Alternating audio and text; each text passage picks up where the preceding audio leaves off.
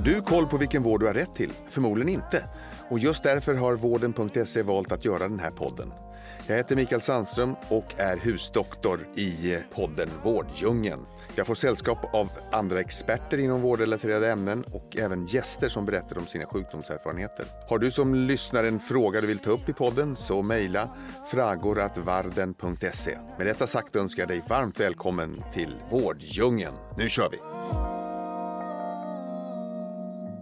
Varmt välkomna till Vårddjungeln och där vi faktiskt sänder live från Vitalis. Och det är ju Nordens största e-hälsomöte som just nu går av stapeln eh, i Göteborg.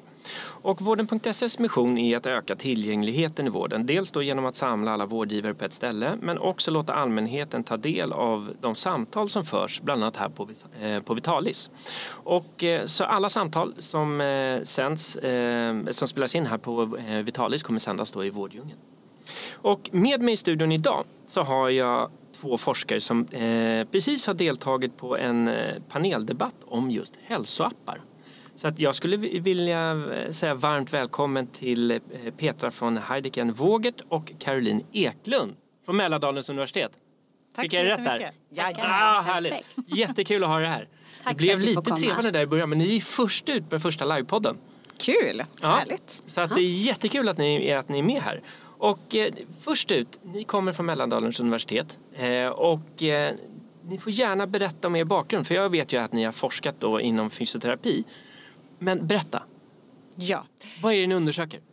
Precis, vi kommer då som sagt från Mälardalens universitet som är då Sveriges yngsta universitet ja. och häftigaste får vi väl kanske lägga till också. Vi har varit universitet i drygt ett år. Mm. Eh, ja, vi forskar inom fysioterapi och hälso och välfärdsteknik. Eh, så för mig, så kan du få fortsätta sen Caroline, eh, jag forskar mycket om äldres hälsa. Mm. Har gjort hela vägen från doktorandstudien tills, tills nu. Mm. Eh, beteendeförändringar, vi har en beteendemedicinsk inriktning på vårt mm. fysioterapeutprogram. Och sen senare år också inom hälso och välfärdsteknik och bland mm. annat då hälsoappar. Mm. Spännande.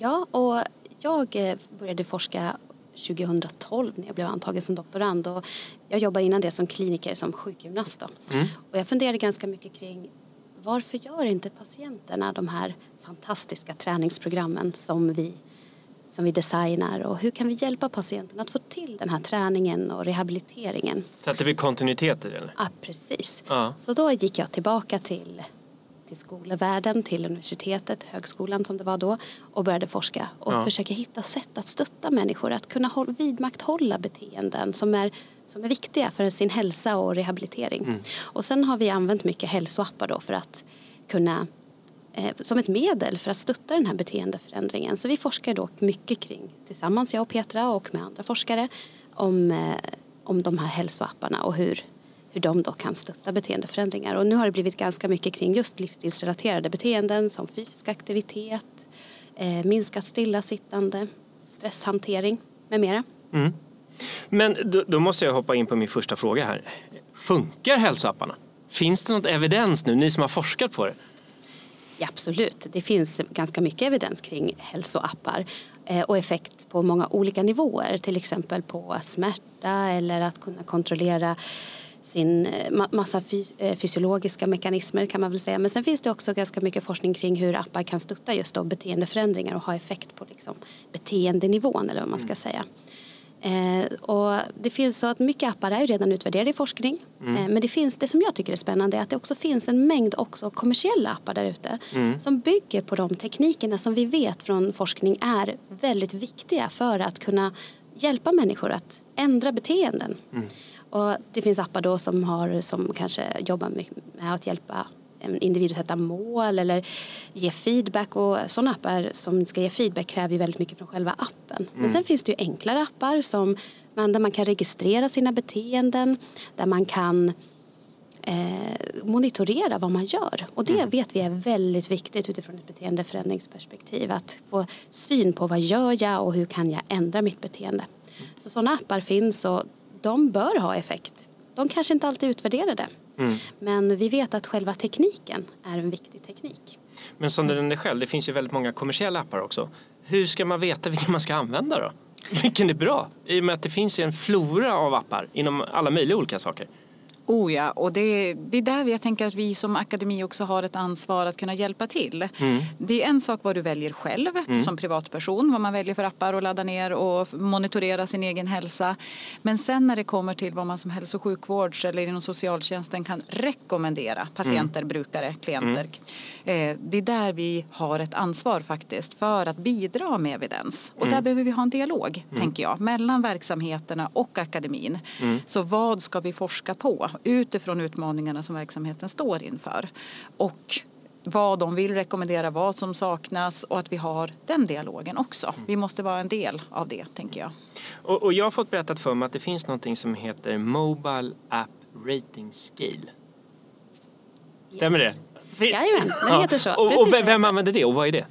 Mobile App Rating Scale är en skala som från början utvecklades av några forskare i Australien. Sen mm. har det översatts till väldigt många olika språk. Jag tror det finns på nederländska, eh, tyska, arabiska, ja massa språk. Mm. Och nu håller vi på att översätta den och testa den då i en svensk kontext. Mm. Och, eh, Mobile App Rating Scale det är ett instrument som på ett flerdimensionellt sätt och mäter kvalitet i just hälsoappar. Mm. Både utifrån grafisk och stilistisk formgivning till interaktion och vad den har för effekt och mm. hur den också är utvärderad tidigare. Mm.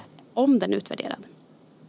Och den kan användas av forskare eller inom verksamheter som, om man vill utvärdera om en, app, en apps kvalitet. Mm. Men vi är också väldigt intresserade av det här med hur kan, vi, hur kan vi se till att appar också kommer till användning inom hälso och sjukvård och socialtjänst. Och då kanske det krävs lite mer än vad det, det här instrumentet ger i kvalitetsbedömning. Vad är, vad är det som saknas? Vad behöv, vad, vilken ytterligare dimension behöver man lägga till? Men det här kan, kan handla om säkerhet, ja. informationssäkerhet, men också eh, ja, men säkerhet framför allt skulle jag vilja säga men också tillgänglighet och är appen tillgänglig så att patienter med olika till exempel syn eller hörselnedsättningar kan tillgodogöra sig appen också. Mm. Att det finns eh, system som stödjer till exempel hjälpmedel att mm. det kan kopplas ihop med, med appen. Och det tror jag är också en viktig del i att kunna föra in dem i hälso och sjukvården. Mm. Det finns ju en mängd idag olika standarder, det finns ISO-standard, det finns eh, rekommendationer och krav från Läkemedelsverket bland annat för att CE-märka. Allt kanske inte kommer att behöva CE-märkas, speciellt inte om patienten ska använda den för eh, självhantering av sjukdom, eller eh, förlåt, inte sjukdom utan självhantering av, eh, av beteende, livsstilsrelaterade beteenden. Och då, då kanske vi behöver utveckla någonting nytt, tror vi. Vi tror att vi behöver utveckla någonting nytt, ett instrument som kan bedöma kvaliteten i den typen av appar och mm. se så att vi kan bedöma att det håller tillräckligt god kvalitet för att kunna då rekommenderas av personal inom hälso och sjukvård. Måste jag ju nästan fråga, använder ni några hälsoappar själva? Jag är nybörjare på ja, Jag ser, du har din klocka, klocka där. Ja. Precis, så ja. det är jättespännande. Får du dina ringar? Absolut, och ja. nu har jag höjt upp målen idag också. Finns att jag når ju målen jättetidigt på dagen. Ja, så det var lite låga målsättningar. Så att det är jätteroligt. Jag tycker det är jättekul att monitorera och mig sporrar det.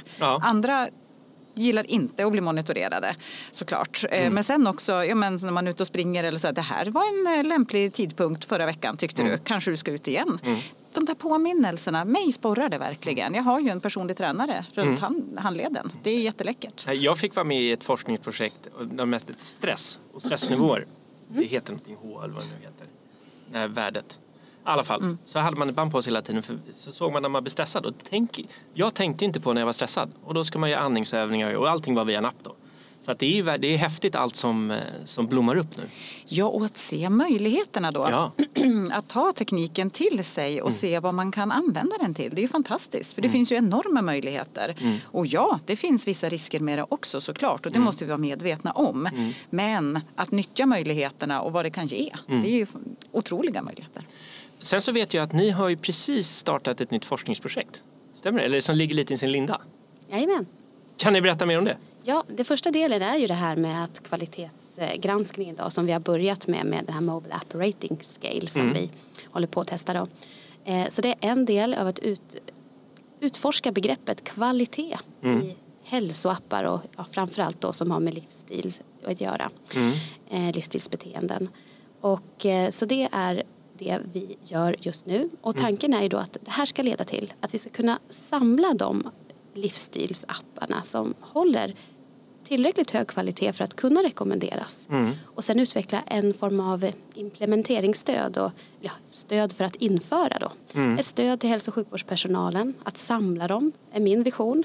Men eh, allting det här vill vi ju göra tillsammans med dem som ska använda det här. Mm. Så att exakt var det kommer landa när vi kommer framåt i Ja, ja, ja, processen, ja. det är faktiskt inte helt, helt eh, fastställt. För det behöver, det behöver de eh, intressenterna som Mm. faktiskt ska göra det här. De som ska använda det. Klinikerna, beslutsfattarna inom hälso och sjukvården. Eh, att systemet, att lagarna hänger med tänkte jag säga. Eller att vi Mm. hänger med lagarna. Kvalitetsgranskningen hänger med. Vad lagarna säger. Att allting det här måste ju vara i symbios för att det ska fungera. Och därför Mm. måste vi ha med oss regionerna, kommunerna, socialtjänsten då. Mm. Tänker jag på, på tåget för att se att, att allt det här klaffar och, och landar rätt. Det här projektet. Det låter som ett jättespännande projekt. Och just det att, nej som vi nämnde innan vi gick in i studion här, att det är allt färre utövare som ska ta hand om fler och fler patienter eller klienter. Så att då behöver vi ta moderna verktyg till hjälp. Absolut, för att människor ska få göra det människor ska göra. Ja. Alltså, där måste vi ju komplettera. Vi måste ersätta någon med något där det är möjligt och där det är försvarbart och där det, är, där det funkar helt enkelt. Och här också att bli mer proaktiva. Att man tar sitt eget ansvar för sin egen hälsa. Man kan inte lita på att någon annan gör det. Nej. På samma sätt som när man blir äldre och behöver hjälp. Man kan inte lita på att kommunen kan göra allting längre. Vi behöver göra det på ett nytt sätt faktiskt. Och ta mer ansvar själva. Och förebygga så att man inte ens blir sjuk och behöver hjälp. Eh, det var väldigt bra som du sa det. Det är faktiskt första gången jag hörde på det sättet. Men att ersätta någon med något. Det är ju precis det som behövs göras. Ja, jätteviktigt. Det finns rutinuppgifter som man Ja. inte behöver att en undersköterska eller sjuksköterska eller vad vi nu har för profession gör. Nej. Utan det skulle lika gärna kunna göra, göras av ett tekniskt hjälpmedel. Mm. Eller en robot eller vad det nu kan vara. Jag satt på akuten med min dotter för några veckor sedan och jag såg hur de sprang och sprang och sprang. Och det Mm. var sopor och det var grejer och de levererade saker. Tänk att ha någon teknisk funktion, alltså någon robot eller så som åker omkring och lämnar de här sakerna Mm. och hämtar upp de här soppåsarna. Så att människorna kan vara människor. Mm. Och bemötandet och hela den biten. Och tro, vi måste gå dit, vi måste göra en förändring. Men, och nu är det väldigt tidigt i det här. Men har ni några pre- eh, preliminära resultat? Nej tyvärr, än så länge har vi inga av just det här projektet Nej. eh, resultat. Nej. Utan eh, det här är ju, vi utvärderar den här skalan just nu och håller på och räknar på de här mätegenskaperna som vi hoppas det här instrumentet då ska ha. Och ser till så att, och, och sen kanske eventuellt ska justera den här skalan så att den passar svensk kontext också. Om våra resultat visar det. Eh, och sen så hoppas vi ju på att vi kan få mera medel till att fortsätta och bedriva den här forskningen. Vi har sökt medel och vi hoppas ju på att få svar, positiva svar. Det tror Framöver. jag säkert att ni kommer få. Men jag måste fråga en annan sak då. Det är att när det finns så här mycket information att tillgå. Liksom, hur mycket information är bra för oss? Hur mycket information behöver vi? Jag tror att alla måste hitta sin balans. Ja. Eh, Det är väldigt olika. Som jag sa, vissa triggas av saker att se och att följa och monitorera sig själv. Andra gör det inte till samma nivå. Så att här måste man hitta sin balans. Visst, vi lever i ett informationssamhälle. Vi får väldigt mycket information. Och just nu den tekniska utvecklingen. De kommande tio åren kommer vi vara med om mer, alltså snabbare teknisk utveckling än de föregående hundra pratar man ju om nu. Och jag menar hela AI-utveckling, vi vet med ChatGPT. Det går så snabbt. Det går så enormt snabbt. Och där hänger ju, alltså där är ju med informationsflödet också. Vi måste hitta vår egen balans, tror jag. Att, va, va, hur vill jag ha det? Så att det blir individanpassat, personcentrerat och utifrån hur jag vill ha det. Och då kommer det kanske bli en lite information overload nu i början för att vi sen hittar balansen. Och, och nu har vi pratat mest om vuxna. Men hur ska man som kanske då förälder tänka på med information till sitt barn? Till exempel ska man ha en stegmätare på sitt barn. Hur mycket information, hur ska man tänka där? Tycker ni? Ja, nu, vår forskning handlar ju inte så mycket om barn då, så jag vill helst inte uttala mig så mycket om just barn och hur, de, hur man ska ha- hantera dem i det här, för det har Nej. vi verkligen inte studerat. Men när det gäller generellt så, så är det ju som Petra säger också att vi, vi behöver ibland också få syn på vad vi gör och inte gör. För vi både underskattar och överskattar våra beteenden och det gör kanske barn också. Och som förälder så kan man ju i alla fall vara med och stötta. Och jag tycker du och, hjälpa barnet att kanske välja det hälsosammare alternativet. Jag tycker du hade ett så himla bra exempel Petra på din dotter häromdagen. Vill du dela med dig? Ja men absolut. Jo, men hon har en knäskada just nu, eh, ska komma igång och röra på sig på ett annat sätt. Hon har börjat hitta cyklingen igen men hon sa det, och så har hon en klocka.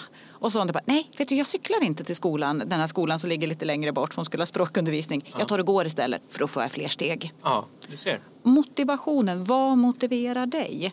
Och dessutom var det någon app där hon får belöningar och grejer och rabatter och sådär. Men alltså just det här att, att hitta sin grej. Jag tror jättemycket på det. Och göra det lekfullt. Det, fanns, det finns ju en app som har varit väldigt populär där både barn och vuxna är ute och samlar steg för att öppna ägg och allt Ja, vad de ja. gör. Ja, Jaga ja. små figurer. Så, och där har man ju sett att det har ju ökat aktivitetsnivån hos eh, både barn och vux- vuxna. En riktig succé skulle jag vilja säga för fysisk aktivitet. Eh, på ett sunt sätt och på ett roligt sätt och lekfullt sätt. Så att man skulle kunna använda appar på många olika sätt eh, och göra det roligt och spännande och göra, göra fysisk aktivitet naturligt och kul. För som det är idag så ser vi ju att både barn och vuxna är ju väldigt stillasittande. Och det är ju, hotar ju vår hälsa såklart. Så eh, jag vill inte uttala mig om att man ska mäta barn generellt Nej, sådär. nej. Men, men ändå, det finns ju lekfulla sätt Man att, kan, man kan leka fram det. ja precis, med hjälp av appar också. Men och hur är det med äldre då? Nu har ju du forskat mycket inom det här. Eh, vad, eh, vad, hur kan de som målgrupp ha användning för hälsoappar? Massor, massor, massor, massor med Ja. användning kan de självklart ha. För Ja. att, var, varför inte? För det är ofta min- en vårdtung grupp. Det är det, Ja. absolut. Och min första spontana reaktion är ju, varför inte? Nej. Varför skulle de vara exkluderade här? Mm. Eh, vi håller på med ett forskningsprojekt i övergångsåldern från arbetsliv till pension. Mm. Det är ju en sån eh, transition faktiskt som man går igenom då. Man, det är ett nytt, en, ja, nya levnadsvanor som skapas. Mm. Så ett perfekt tillfälle också att ta chansen att eh, förbättra sina levnadsvanor. Så att absolut, där är ju en, en chans att, att göra saker på ett nytt sätt men även uppåt i åldrarna, självklart. Eh, det är en, visst, vi har fortfarande en något som är viktigt där, det tänker det är också en del att många lever i digitalt utanförskap.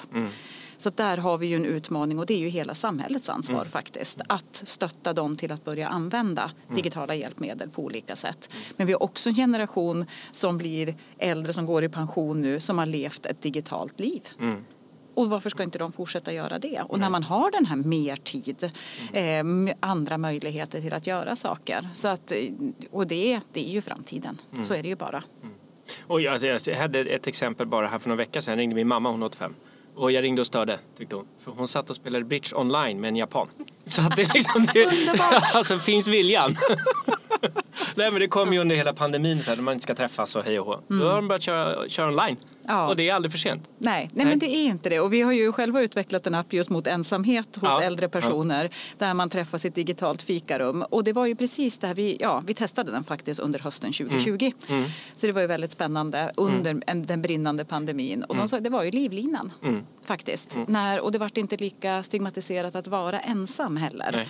Eh, utan alla satt, många var alltså fysiskt isolerade som många gånger också ledde till en social isolering. Så att här behöver man ju hitta de här nya sätten att umgås. Och en, annan sak som debatteras mycket, kanske mer i liksom sociala medier eller sociala appar, det är ju vem som egentligen äger datan. För potentiellt så är det ganska känslig data och det är till exempel TikTok till exempel, att det debatteras att det ägs av en utländsk stat och vissa länder vill förbjuda och så vidare. Men hur, hur ser man, hur, vad säger ni, vad säger man om datan i hälsoappar? Ja, här måste vi också ursäkta, dra en gränsdragning. Vad är det för appar vi pratar om? Ja. Det finns ju CE-märkta som medicinskt-tekniska produkter, Mm. de hälsoapparna. Och där, absolut, där finns ju mycket känslig data, känsliga Mm. personuppgifter. Men går vi till andra eh, livsstilsappar och Ja, sådär. hur långt det har gått idag kanske inte är så känsligt. Exakt, jag har ju inga problem att dela med mig Nej. av det. Vill någon använda det, men varsågod, känner Mm. jag i alla fall. Men att man själv, och det är det vi vill göra med det här projektet också, att samla de här apparna och att visa på vad är det för typ av app, vad, vad är det för data som samlas. Mm. För till exempel i det här digitala fikarummet, ja, men vem kontrollerar vad som sägs vid en fysisk mötesplats när du sitter vid dina fikabord? Nej men det är ju ingen som kontrollerar det där. Mm. Varför skulle det vara annorlunda online? Så att det finns också en rädsla här när det blir digitalt. Ehm, så är det ibland en viss obefogad rädsla. Sen självklart det ska vara, det ska följa regelverken och eh, det beror på vad det är för app tänker jag. Precis, och samtidigt det är appar som ska implementeras och kanske rekommenderas inom hälso och sjukvården. De behöver ju följa GDPR Mm. och att data då lagras på ett sådant sätt så att eh, det följer gällande lagstiftning.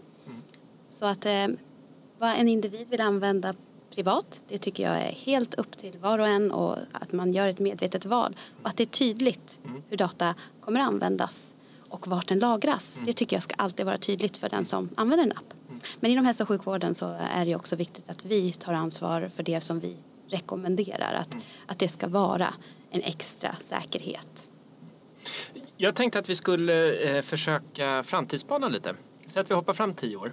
Eh, kommer man då i realtid kunna mäta exakt hur kroppen reagerar på det vi äter och så vidare? Eller kommer man kunna mäta ketoner? Vad tror ni?